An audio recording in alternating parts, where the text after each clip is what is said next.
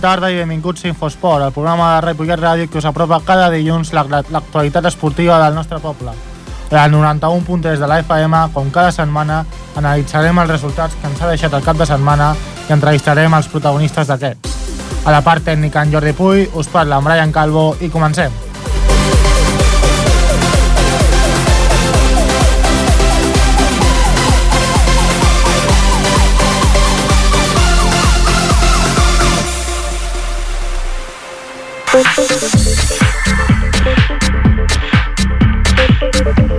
Comencem amb el tenis taula, que aquest cap de setmana ha disputat una nova jornada.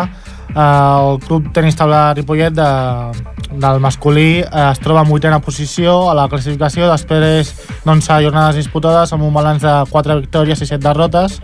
Som a 8 punts i es troba tan sols 2 punts del descens. Aquest, cap de, aquest darrer cap de setmana, que analitzarem ara a un dels entrenadors del, del club, el Ramon Argenté, eh, doncs ha jugat a casa davant el Vila García TM, que es troba tercer a la classificació, i ha perdut de, per un contundent 1 a 5. El, podrem, es podrà redimir d'aquesta derrota al Ripollet el proper dissabte 23 de gener, que s'enfrontarà a domicili davant el Termotur Calella a les 4 i mitja de la tarda. Eh, em diuen que tinc ja per línia telefònica el Ramon. Ramon, bona tarda. Bona tarda. Eh, marcador contundent el del passat dissabte 1 a 5. Bueno, un marcador enganyós, eh? perquè hagués pogut ser un, un 3 a 4, Sí? tant a favor nostre com a favor d'ells, perquè els punts decisius, eh, doncs en el 5 a 7 es van perdre per avantatges, que van caure a favor de, del contrari, que haguessin pogut caure a favor nostre i hagués pogut arribar a un empat a 3. Perquè tenia en compte que Miquel Arnau, precisament, en l'últim 5 a 7, estava guanyant 9 a 7, Sí. van demanar temps a l'equip contrari i va perdre el partit, eh, de 13 a 11. Vull dir que si el Miquel guanyava, eh, feia el segon punt i eh, haguéssim anat amb un empat a 3, no? Potser els dobles ens haguessin guanyat ells, no? Però el resultat eh, podia ser perfectament un 4 a 3. Aquest, aquest temps mort que dius va ser la clau. Sí, va, saps què va passar? Que són dos jugadors que es coneixen molt. Es coneixen molt perquè eh, un és el seleccionador català, el Ramon Mampel, Mm. un jugador de Catalunya que juga allà a Galícia, i es coneixen molt perquè entrenen junts en el CAR. Llavors què va passar? Que eh, va influir molt els saques, no? Eh, S'acaba el Miquel, avantatge pel Miquel. S'acaba el, el Mampel, avantatge pel Mampel. Però al final de partit es van agafar els saques. Sí. Llavors aquí va influir la sort i es va perdre per avantatges que hagués pogut ser el 3 a 2 i llavors també li va passar el mateix en l'últim set, no? Que si no hagués arribat a un, a un empat a 3. Potser el doble hagués perdut, però eh, amb el doble ja la, la cosa pot variar, saps? Llavors, la, la diferència al marcador, sens dubte, és no reflexa la diferència de rendiment dels dos equips. Perquè és que tot va ser a 5, a 5 sets, eh? Mm. A 5 sets i avantatges, no? I el doble, i ells porten un bon jugador gallec, Sí, a més més porten un jugador rus, que ha estat jugant a la Superdivisió, sí. ha estat jugant a la Superdivisió i llavors porten un dels millors jugadors de Catalunya, que és el Ramon Mampel, que està amb l'equip de, de, de Villagarcía de Arosa. Comen... bueno, abans que, quan parlàvem per, abans de, de l'entrevista, em comentaves d'aquest jugador rus. Eh, el, que el fet de tenir aquest jugador i el, el que és el millor jugador de, de l'àmbit català eh, els fa molt forts, perquè ja deia abans que són tercers a la classificació, eh, era un rival molt complicat. Sí, pensa que els equips més potents són els, els, tots els, els quatre, equips gallecs, que són els que, que encapçalen la, els quatre primers llocs de la classificació, no? Mm. La lluita per, per mantenir-se estarà entre els Borges Blanques, entre el Ripollet, entre el Santiago, Promeses de, eh, i els, els altres equips, no? Però en generalment, i els dos equips bascos, no? Es lluitarà per, per, per aquests partits que són eh, la permanència a la divisió d'honor, no? Mm. Un tant que els quatre equips gallecs que estan a dalt de tot són els, els, els que porten jugadors estrangers i un, una bona plantilla. I ara, bueno, ara esteu amb 8 punts, a dos al descens. Com, com veus la, el repte de la permanència? Jo crec que la permanència es podrà salvar, eh? eh tot i, eh, hem de guanyar els mateixos partits que van guanyar la primera volta, Mm. mm. al començament de Lliga, que ens vindran ara, i també alguns partits que s'han perdut per 4-3, inclús aquest que es va perdre ahir per 5 1, eh, o sigui, el dissabte, es poden guanyar. Tot depèn del sorteig de, de, de l'hora de jugar els equips, saps? Doncs ja, qui- quins, quants partits us queden a casa? Per un moment, Sí. Crec que té el, el Ramon...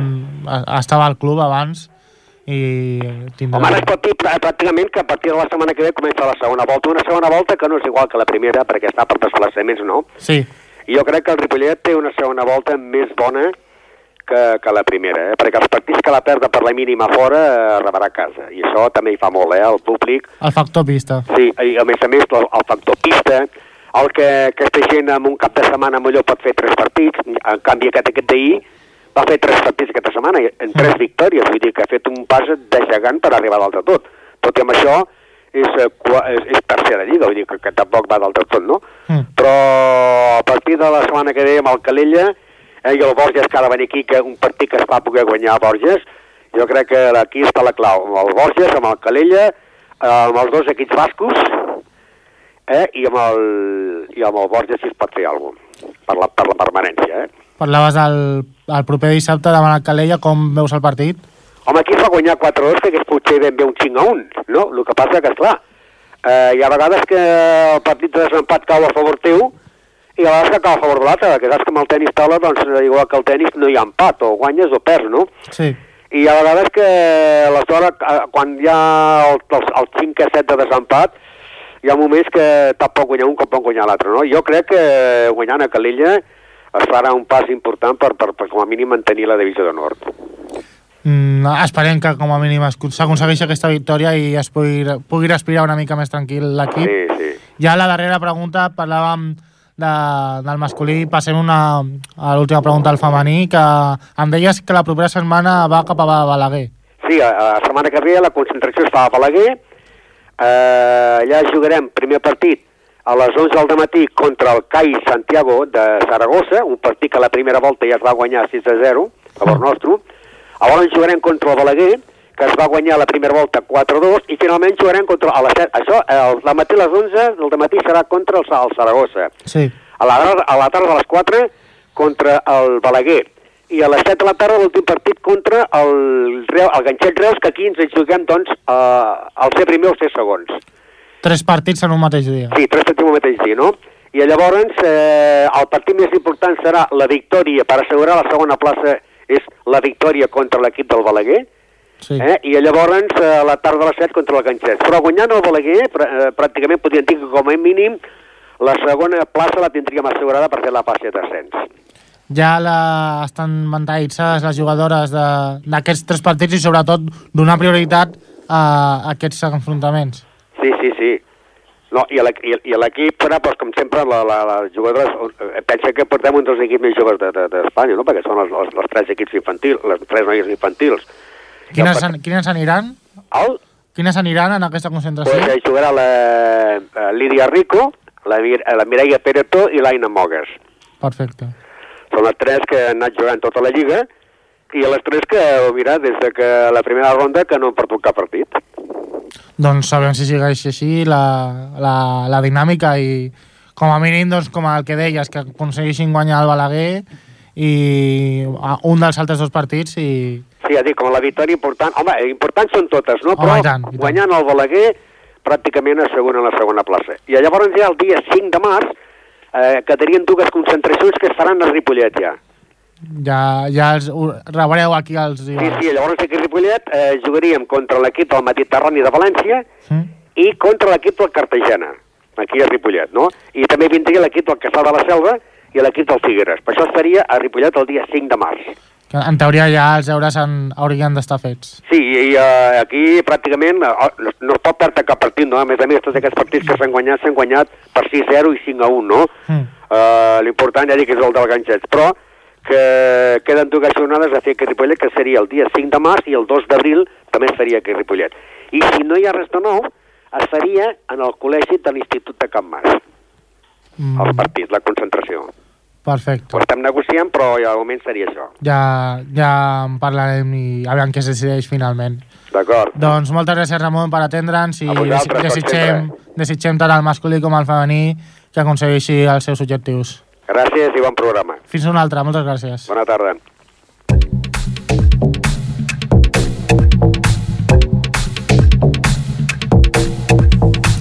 Canviem d'esport i anem cap al futbol, on el, tinc al meu costat el Manuel. Manuel, buenas tardes. Hola, buenas tardes, Brian. Hablaremos un poco del Camp Mas, que jugó esta, este fin de semana un nuevo partido. Pues sí, jugaba justamente contra el segundo clasificado y jugaba en el campo del, del Llano. Eh, un partido que se le puso cuesta arriba en tan solo 7 minutos de juego, en el que el Llano, eh, en el que el Llano ya se colocaba con 2-0 ante el Camp Mas. Pero el equipo del Camp Mas eh, acortaría distancia cuando se cumplía el minuto 26 de partido, por medio de Rubén Martínez, para llegar al descanso con un 2-1. En 11 minutos del segundo tiempo, Ángel Vera pondría el empate a 2 con el que su sufridamente se llegaría al resultado final del partido. El Camp Mas, que venía de una victoria en casa la pasada semana de 3-2 ante la Escuela de Fútbol Base del Semenat, se sitúa a tan solo 3 puntos del segundo, el Llano, con 26 puntos y en la quinta plaza del grupo.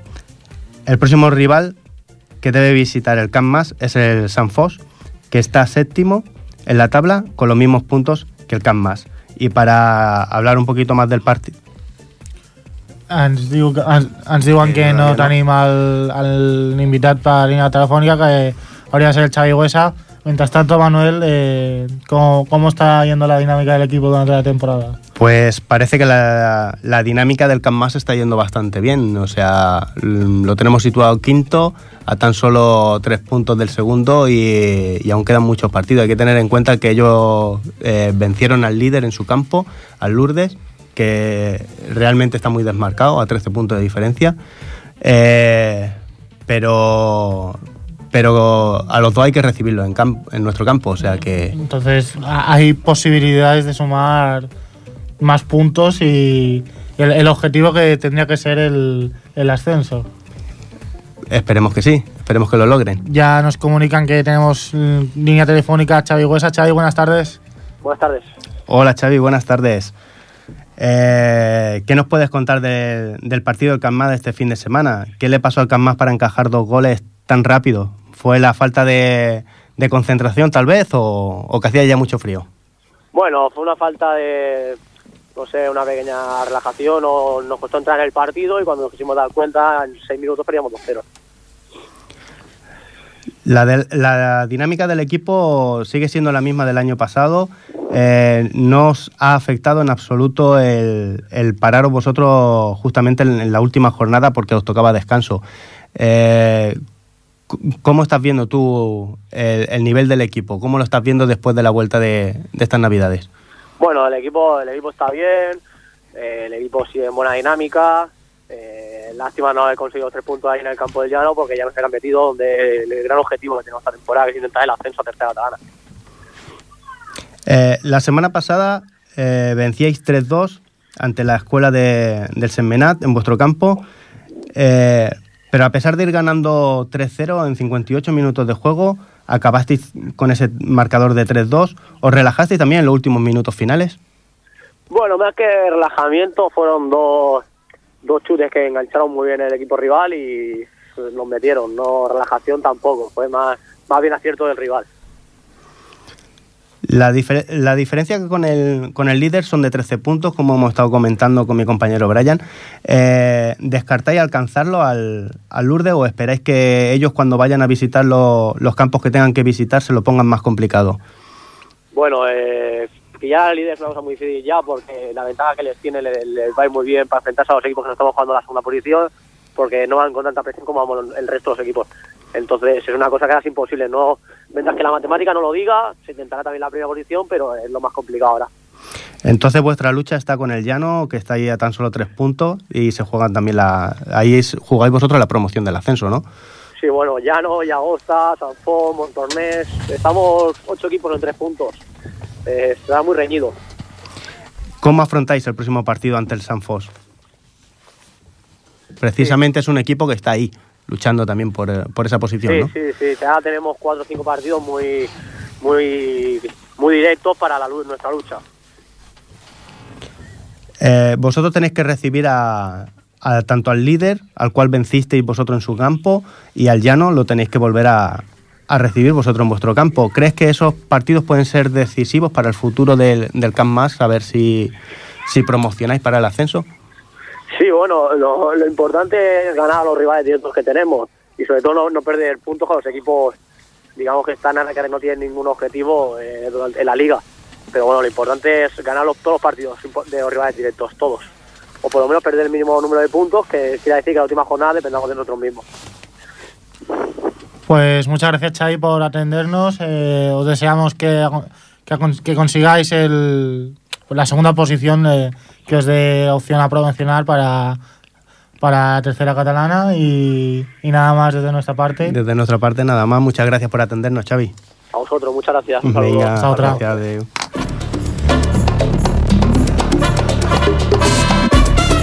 Seguim amb el futbol, però canviant de club, anem cap a l'escola futbol base femení, que aquest cap de setmana també ha disputat eh, la seva jornada corresponent i ens porta la seva actualitat al Marc Mata. Marc, bona tarda. Derrota al camp de l'Industrial. Bona tarda i diumenge al migdia l'escola es va enfrontar a casa a la Planada, on va perdre per 0 a 1. Va ser un partit complicat per amb dos equips. A la primera part van veure dos equips que lluitaven per dominar el partit amb molta dificultat. En aquest temps, les ripolletenques van tenir moltes ocasions de gol que no van transformar i les visitants intentaven impedir que les de Juan Carlos Aguayó estrenessin al marcador. Als 20 minuts del maig, les de Sabadell van tenir una bona oportunitat per, per estrenar el marcador, però l'àrbitre va xiular fora de joc.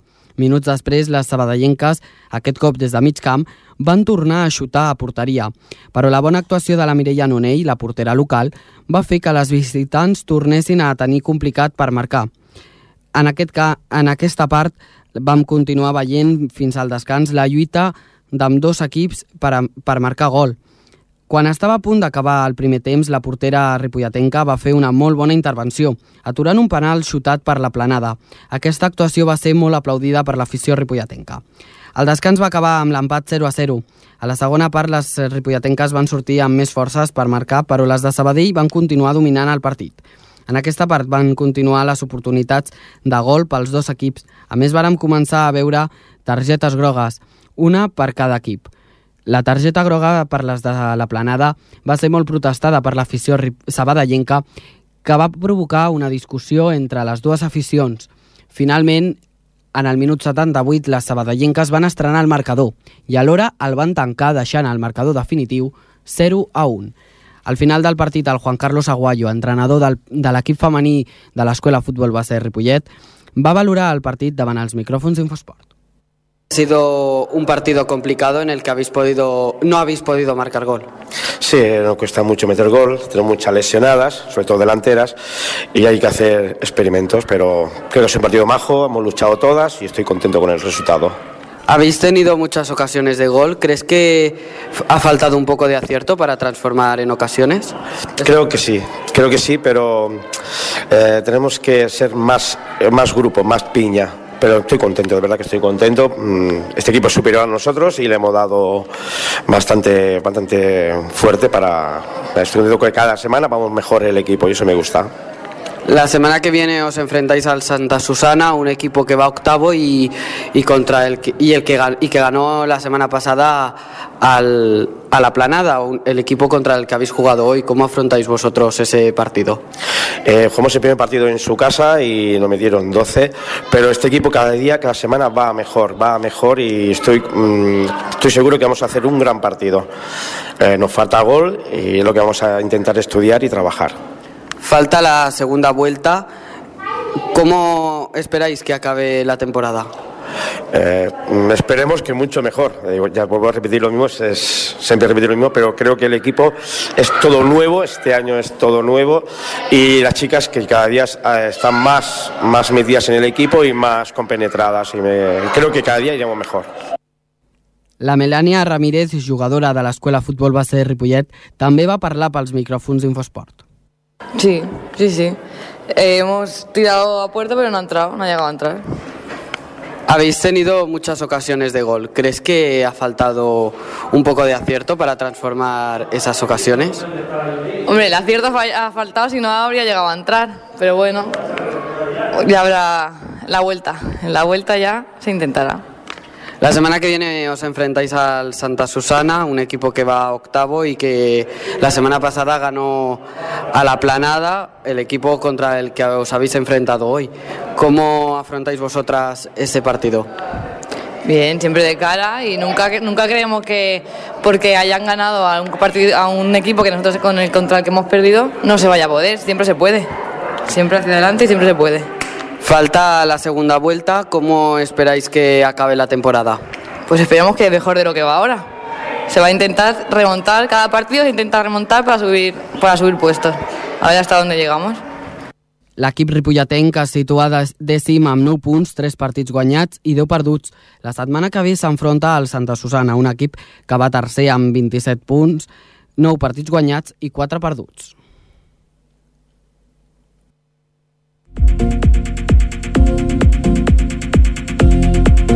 Moltes gràcies, Marc, per aportar-nos la, l'actualitat de l'Escola de Futbol Base Femení i desitgem millor sort en, en els propers partits a un, a un equip que té eh, el seu mail perquè comença de nou en aquesta temporada. Passem al futbol sala amb el Nil Arteaga, el meu company. Nil, bona tarda. Bona tarda, Brian. Aquest cap de setmana, nou partit. Què ha fet el futbol sala? El futbol sala Ripollet va aconseguir la victòria amb golejada aquest cap de setmana per 5 gols a 1 davant l'Olímpic Floresta, partit corresponent a la 18a jornada del campionat de segona divisió B nacional de futbol sala. Amb aquest resultat, els ripolletens continuen vuitens a la classificació de la categoria amb 28 punts i sumen 5 victòries en els últims 6 partits, amb un balanç general de 8 victòries, 4 empats i 6 derrotes.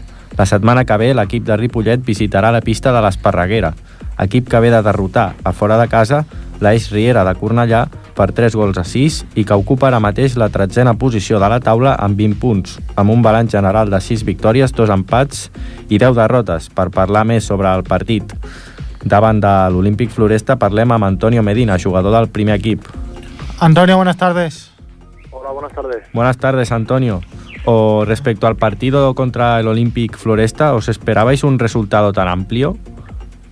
Bueno, se dice, se dice así amplio, pero ellos también pudieron pudieron meterlas y ajustarse en el, en el marcador. En la primera parte tuvieron dos dobles que, que mi compañero Héctor paró y si no y si no y si no llega a parar, irse al descanso en vez de 3-0 irse con un 3-1, 3-2, el partido hubiera cambiado bastante. Ellos también tuvieron oportunidades para meter dos o tres goles más, pero estuvo acertado nuestro portero.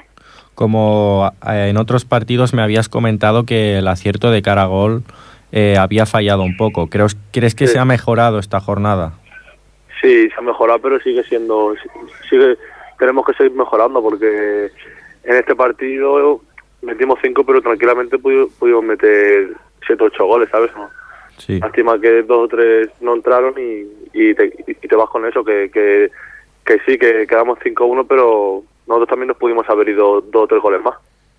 O sea, ¿crees que fuisteis muy superiores al rival en este sentido?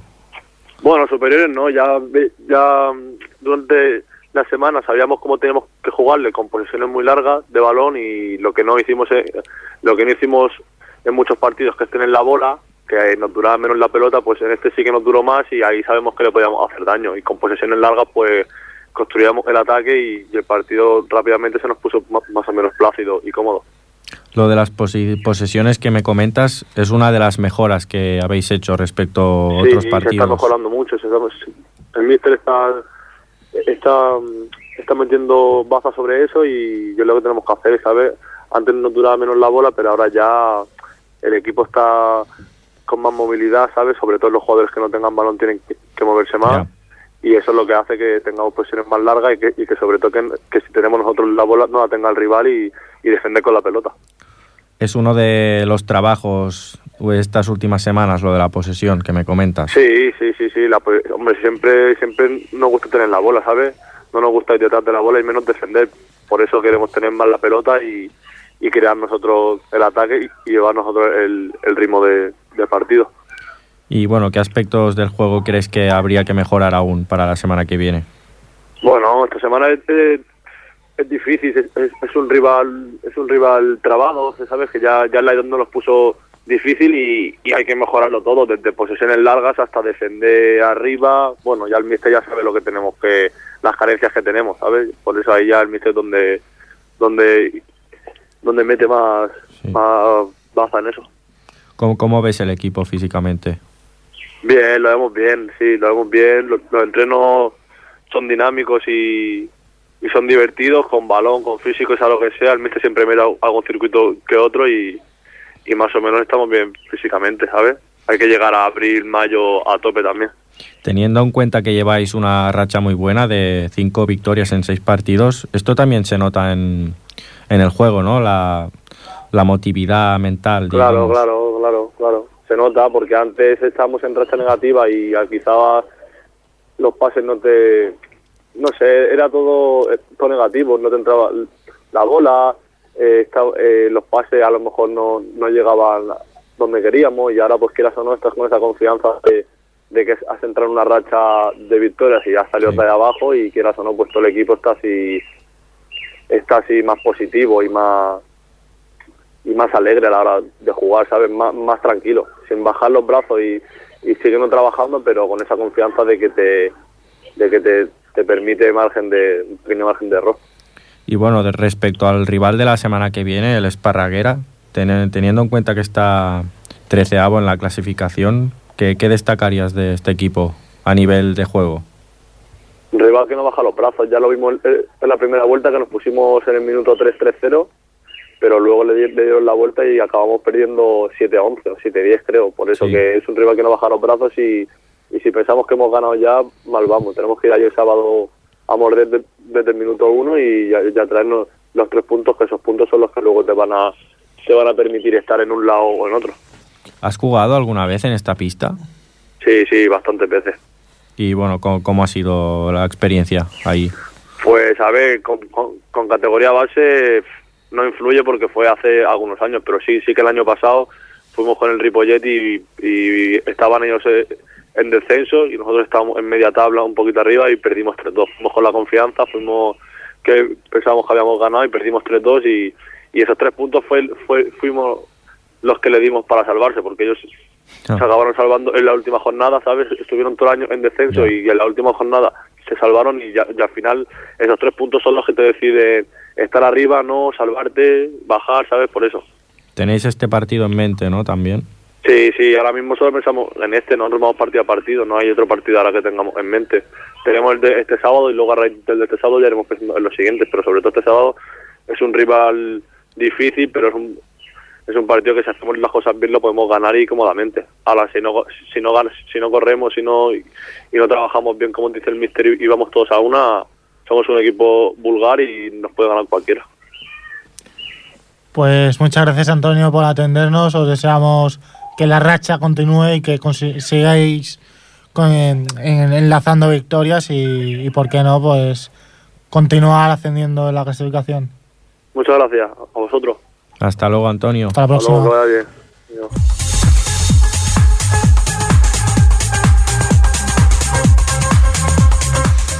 Canviem un altre cop d'esport, anem cap al hockey patins. Continuem amb el Nil. Eh, què ha fet aquest cap de setmana el hockey patins Ripollet? Doncs el club d'hoquei Ripollet va patir la segona derrota de la temporada, aquest diumenge a casa davant el Palau Solità i Plegamans, que és segon classificat. El partit va acabar en derrota per la mínima per 3 gols a 4. El partit corresponent a la jornada número 16 de la Lliga de segona catalana d'hoquei patins deixa el Ripollet primer a la classificació malgrat la derrota, un punt més per sobre del Palau, que és segon. La propera jornada els ripolletens descansen i jugaran el seu partit d'aquí a dues setmanes que visitaran la pista de l'Aiatà, equip que ara mateix ocupa la 14a plaça de la classificació amb només 6 punts, 2 victòries i 12 derrotes. Per aquest partit, per parlar més sobre el partit davant el Palau, parlem amb el president de l'entitat, eh, Albert Figueres. Albert, Hola. bona tarda. Hola, bona tarda. Hola, què tal? Albert, què tal? Molt Eh, bé. la valoració general del partit eh, és positiva? Sí, sí, sí, hi ha derrotes que a vegades eh, fan mal, però en aquest cas eh, la derrota va ser pues, en els últims segons i, i per un fallo nostre i de fet eh, els tres gols van vindre una mica de tres fallos eh, que habitualment no es fan i, i, i l'altre equip doncs, va estar intens, necessitava els punts per poder-se apropar uh, i no despenjar-se de, de dalt i sabíem que era un partit molt intens i bueno, al final va caure al costat d'ells però podia haver caigut al costat nostre o el més just segurament haver sigut un empat. Però no, no, no, no ha fet mal. Eh, sí que fa que s'ho pensin i recapacitin en el sentit de que eh, són, també és veritat que són molt joves i, i la majoria de jugadors i aquests fallos pues, poden passar, això els ajudarà a créixer i a aprendre i els partits que vinguin pues, eh, sapiguer afrontar-los de, de, de millor manera. Quins errors són, són aquests que comentes?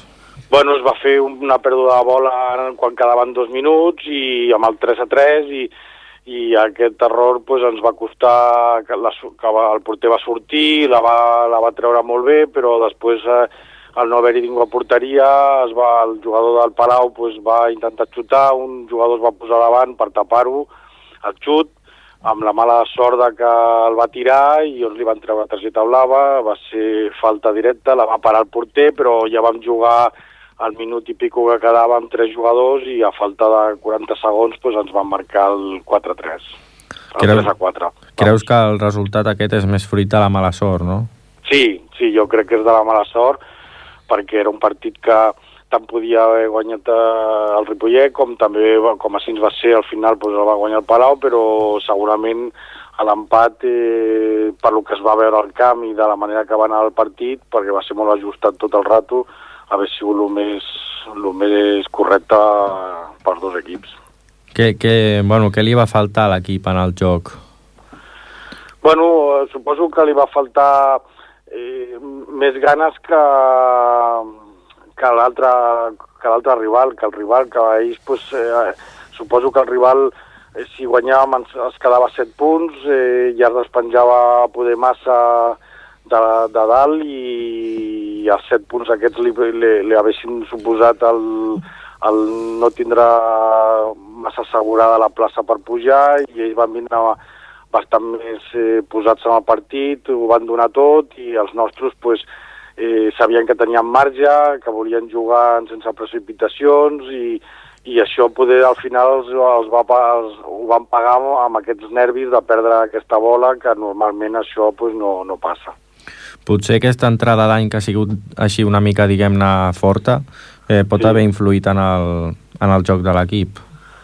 Sí, eh, també van començar fins al setembre i van veure que el calendari era, era fort, però també era, és veritat que al setembre doncs, bueno, pots veure quins són els eh, equips que poder estar a Nadal, però tampoc, o, tampoc eh, es, es ratifica a la classificació. Ara sí que amb el que ha quedat de la primera volta i el que vindrà de la segona, doncs, bueno, ens veu a Nadal i tots els equips volen competir, tots els equips sí. saben que juguen contra el líder, això pues, fa que, que segurament se'ns posi una mica més difícil, però bueno, tots sabéssim donat per bo al principi al setembre quan va començar la Lliga, està ara al començament de la segona volta, ben jugat ja contra un dels forts i seguir líders amb un punt i, i em sembla que no sé si a 6 o a 7 del tercer.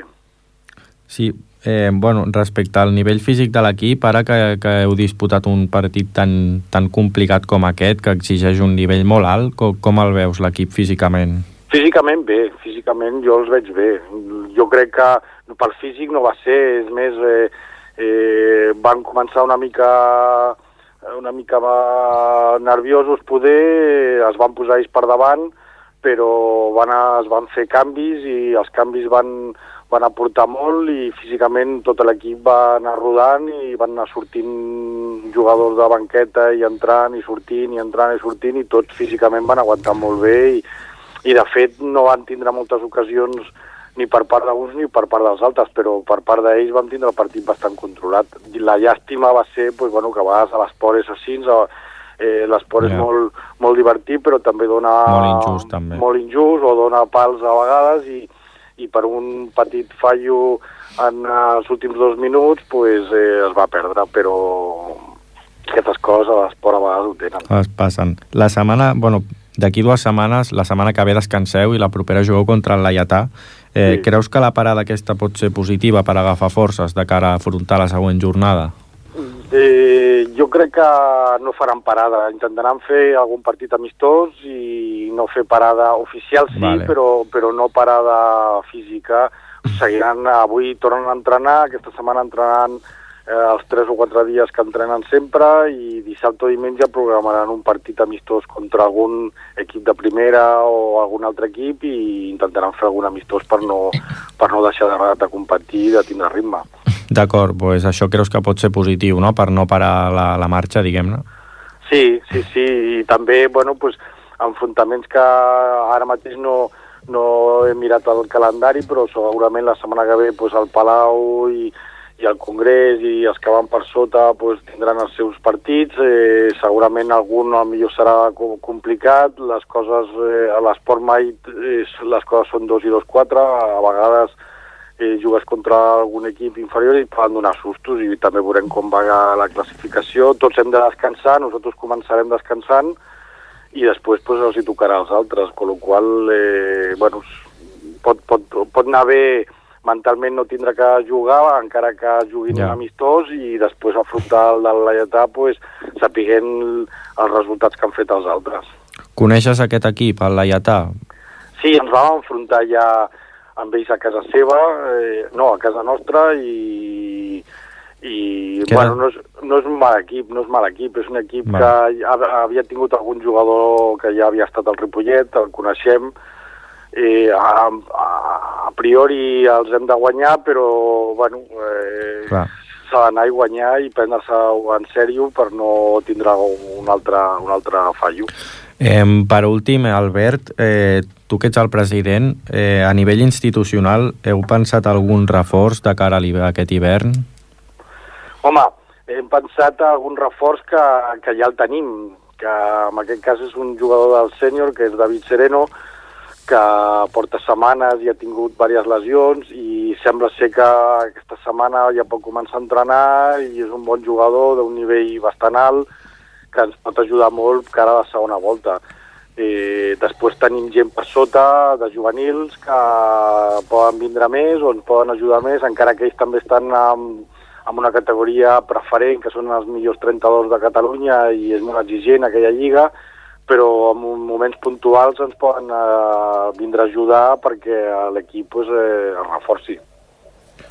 Doncs gràcies Albert per atendre'ns. Eh, desitgem que el- l'equip torni aviat a guanyar i que seguiu amb aquesta temporada tan bona que esteu fent. D'acord, moltes gràcies. Moltes gràcies, Albert, que bona tarda. Vale, bona tarda. Adéu.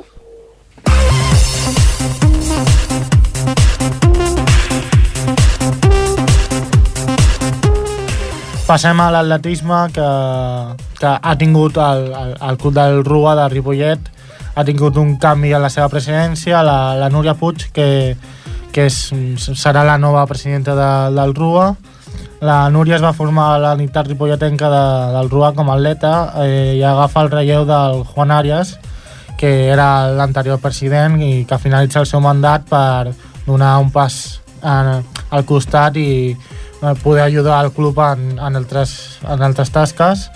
Entre els reptes de la Núria s'apunten que un d'ells seria el de, el de recuperar el creixement de, de l'escola d'atletisme i també un, un altre seria el d'obrir noves seccions. Tenim ja per línia telefònica la Núria. Núria, bona tarda. Hola, bona tarda. Com han sigut els primers dies com a presidenta del RUA? Bueno, doncs amb una mescla de molta il·lusió i molta feina. Ens estem una mica eh, posant a mans a la, a la feina per saber una mica tot el que s'ha de fer, conèixer realment com funciona la junta d'un club, Mm. però bueno, realment doncs, també amb il·lusió, amb noves idees i amb les ganes de, de treballar i de, i de tirar el club endavant. Quin és el, el projecte que, que planteja la, la teva presidència?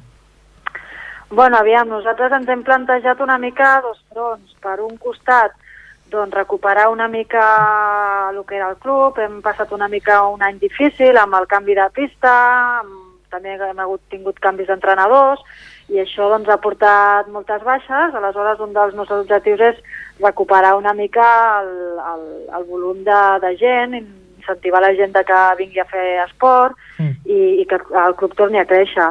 I per una altra banda, doncs, també intentar una mica modernitzar-nos, obrir noves seccions, donar nous serveis eh, una mica aquest és el, els objectius que ens hem plantejat. Aquesta seria també les diferències respecte a l'anterior president. Eh, bueno, aviam, l'anterior president també treballava molt en aquest sentit, en fomentar l'escola, en intentar que el club creixés, però bueno, jo crec que mm, degut a circumstàncies una mica alienes a lo que és el club, ja us dic, per també canvi de pista, que això ha sigut una decisió eh, del, del regidor que hi havia abans i, i coses amb, eh, amb canvis d'entrenadors que ha sigut per decisions personals, Sí. doncs ens hem trobat una mica en que aquest any doncs, hi ha hagut una baixada a lo que, a lo que era el club d'anys anteriors i una mica doncs, la nostra feina és recuperar. Com, com deies, la, un dels objectius és eh, recuperar aquest creixement de l'escola d'atletisme. Ah, actualment, en quina situació es troba i quines accions us heu plantejat que s'han d'implementar? Bueno, doncs, aviam, el club en si ara mateix es troba en una situació quasi de... tret dels començaments, suposo que no tinc dades de, de quants atletes eren i tal, Mm. però el que jo conec dels últims anys, bàsicament aquest any hem tingut eh, un 50 bueno, una, una, una, un 50% de, de baixa respecte a l'any passat, és a dir, eh, pràcticament estem en un club format per, per molt poquetes persones. Ara mateix comptem només amb, amb 60 atletes Sí. doncs eh, quan abans eren uns 100, uns 100 i pico, doncs eh, per aquí és, eh, la situació ara del club doncs, és una mica crítica. I amb el que em preguntaves de les noves seccions, doncs bueno, hem iniciat contactes ja per, per poder iniciar una secció de triatló, també tenim corredors que es dediquen al trail i que també els faria il·lusió doncs, que hi hagués una secció de trail.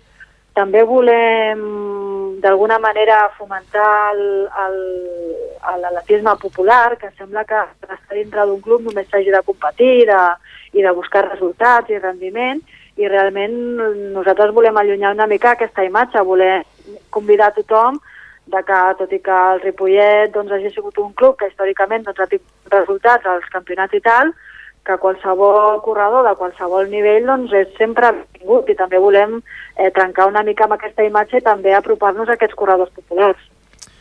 De, parlaves de, de, de potser implementar el triatló, el que és el trail. Eh, per qui no conegui gaire d'aquest món, en què consistirien aquestes dues seccions? Bueno, el triatló bàsicament és combinar el- la natació, el ciclisme i el, i el running. Aviam, és un esport que ara actualment està molt de moda. La preparació, doncs, bueno, és una preparació que, que requereix preparar les, les tres seccions, però que es pot plantejar perfectament. I, bueno, nosaltres, jo, per exemple, m'he iniciat en, en el món del triatló o, del, o dels balons més en concret, i bueno, jo, jo tinc molta il·lusió personalment doncs, que, que el club de, del Ripollet tingui una, ses- una secció i doncs ens hem juntat amb unes persones que ja tenien aquesta idea de també crear aquest club en el poble i en comptes de fer-ho d'una manera independent doncs ho hem decidit fer conjunt.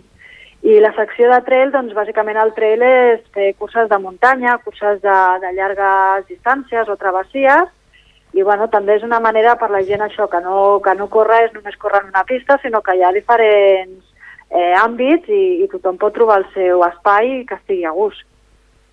Malgrat que ara ja siguis la presidenta del club, t'has plantejat eh, participar en, en alguna d'aquestes curses i seccions? Sí, a mi, jo l'any passat vaig iniciar-me en, el, en el món dels duatlons i ho vaig fer com a independent.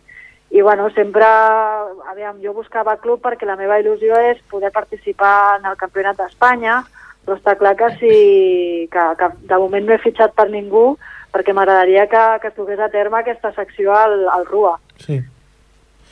Mm, mm, fa poc que que es va disputar el 34è Crossvila de Ripollet.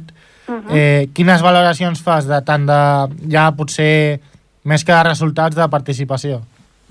Bueno, doncs aquest any va ser un any especial perquè vam aconseguir que la Federació Catalana, la- l'anterior Junta ho va sol·licitar, i, eh, i vam aconseguir que, la, que el Cross de Ripollet s'inclogués com a prova de puntuació pel Gran Premi Català de Cross, que això consisteix en, en que durant el, durant el calendari de Cross hi ha sis proves que serveixen de puntuació perquè llavors uns atletes d'unes categories concretes puguin anar a competir amb la selecció catalana a un cross que fan al País Basc. Mm. I aquest any era el primer any que hem aconseguit que la federació ens inclogui dintre d'aquests crossos puntuables. Aleshores, això s'ha notat molt en la, en la participació de que ha sigut, sobretot a les curses federades, doncs, més ampla que, que en altres anys. Eh, també amb, amb el cross popular i amb el cross escolar estem molt contents perquè hem vist que també hi havia una, una bona participació. També estem contents perquè hem recuperat el bar, que feia anys que no es veia, i això també doncs, és una mica també fomentar la part social del club. I, i bueno, en, el, en aquest sentit estem molt contents en el resultat que ha tingut el cross, doncs, tant a nivell de participació i a nivell de lo que ha suposat per nosaltres doncs, veure tota l'organització i tot això. Llavors, aquest cross és una mostra de que el seguiment i la pràctica de l'atletisme Ripollet es podria valorar com alt. Eh, jo crec que sí, el, aviam, el, el, el running o l'atletisme sempre ha sigut un esport molt assequible, necessites unes sabatilles i poc més. El, jo crec que el problema és que molta gent s'acostuma a fer-lo pel seu compte i a vegades es desconeixen els avantatges que té formar part d'un grup, tenir un entrenador, o el que et deia, o a vegades es mitifica que el fet d'estar dintre d'un club doncs li exigirem resultats o li exigirem que participi a les, a les curses i, i jo crec que això s'ha de, de una mica treure, treure aquesta por a la gent. Si, si vas pel riu i tal, sempre et creues amb corredors a tota hora. Aleshores, l'atletisme sempre és un esport que, que té molt potencial. Doncs volem, volem també cridar aquests corredors i que, i que vulguin formar part de nosaltres. I el cross escolar, doncs, o a nivell escolar també estem molt contents perquè hi ha hagut una gran participació aquest any, més això és molt el treball del PAME que fa a través de les escoles, doncs eh, li hem d'agrair, però ara també és feina nostra, doncs estem pensant també com acabar de, de promocionar aquest esport escolar i que aquests nens doncs, també puguin conèixer què és l'atletisme, perquè el mateix no és només córrer, hi ha més proves, i que nosaltres els hi podem oferir doncs, doncs, aquest aprenentatge. Clar, jo personalment crec que, que òbviament el, els resultats són, són importants fins a cert punt, però crec que el, el que, el que seria la vostra tasca també és fer una mica d'educadors de, d'aquests nous atletes i sobretot dels, dels més petits a, que comencen a practicar l'atletisme. Exacte, els nostres valors sempre quan tenim les reunions amb els pares a principi de temporada bueno, sempre tenim una frase doncs, que ha anat una mica traspassant d'una junta a una altra i d'un entrenador a una altra doncs que és que nosaltres no formem esportistes, sinó que formem persones. És a dir, nosaltres creiem que a través de la pràctica de l'esport doncs, s'aprenen valors, s'aprenen comportaments i que això és aplicable després a moltes parts de la vida. Aleshores, nosaltres no, no som un club que busquem resultats, sinó som un club que busquem que les persones que vinguin, siguin grans o siguin petits, doncs s'ho passin bé i, i estiguin amb un grup de gent durant uns dies a la tarda i que acabin contents i que aprenguin coses noves i que, i que amb aquest aprenentatge vagin inculcats uns valors. Doncs moltes gràcies, Núria, per atendre'ns. Esperem que tant el, tots aquests reptes de, de creixement de l'escola d'atletisme, noves seccions, eh, millor educament dels nens per, per començar a córrer, que tot això continuï endavant i que la vostra tasca sigui tan bona com, com sigui possible. Moltes gràcies i bueno, nosaltres també desitgem que per lo menys en, en aquests començaments doncs, podem aconseguir tot això que ens hem assolit. Mm, doncs fins una altra. Vinga, moltes gràcies. Adeu. Oh, oh, adeu.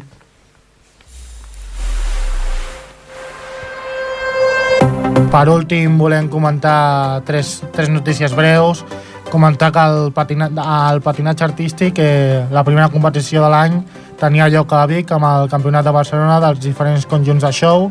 A la categoria, a la categoria show petit, el Club de Patinatge Artístic de Ripollet tornava a presentar el seu grup, que tants bons resultats ens va donar l'any passat. Aquest any encara ho van fer millor, el diumenge va ser segons, medalla d'argent i subcampions de Barcelona, darrere dels favorits de Sant Celoni que repetien la victòria de l'any passat. Només 3,1 punts els separaven de la victòria i ben segur que aniran a per totes al Campionat de Catalunya del pròxim 30 de gener a la mateixa capital osonenca. Van assolir aquesta segona posició amb un tema que va entusiasmar el públic que, que es diu I si només tinguéssim 24 hores. També recalcar el, el copilot de Ripolletenc Lucas Cruz que ha disputat eh, fa, fa res, fa uns dies al, al Dakar amb, amb Carlos Sainz i que que just quan es van posar líders de la classificació eh, un, un problema la, de la carcassa del canvi del, del cotxe de Carlos eh, de Carlos Sainz va tirar enrere la, la, seva, la competició de, dels dos eh, pilots I per acabar, eh, ja rà- ràpidament, el, el futbol sala Ripollet, que ha guanyat 5 a 0 davant l'Estel Vallseca. Fins aquí el programa d'avui, moltes gràcies per acompanyar-nos i ens tornem a provar a, a, ens tornem a trobar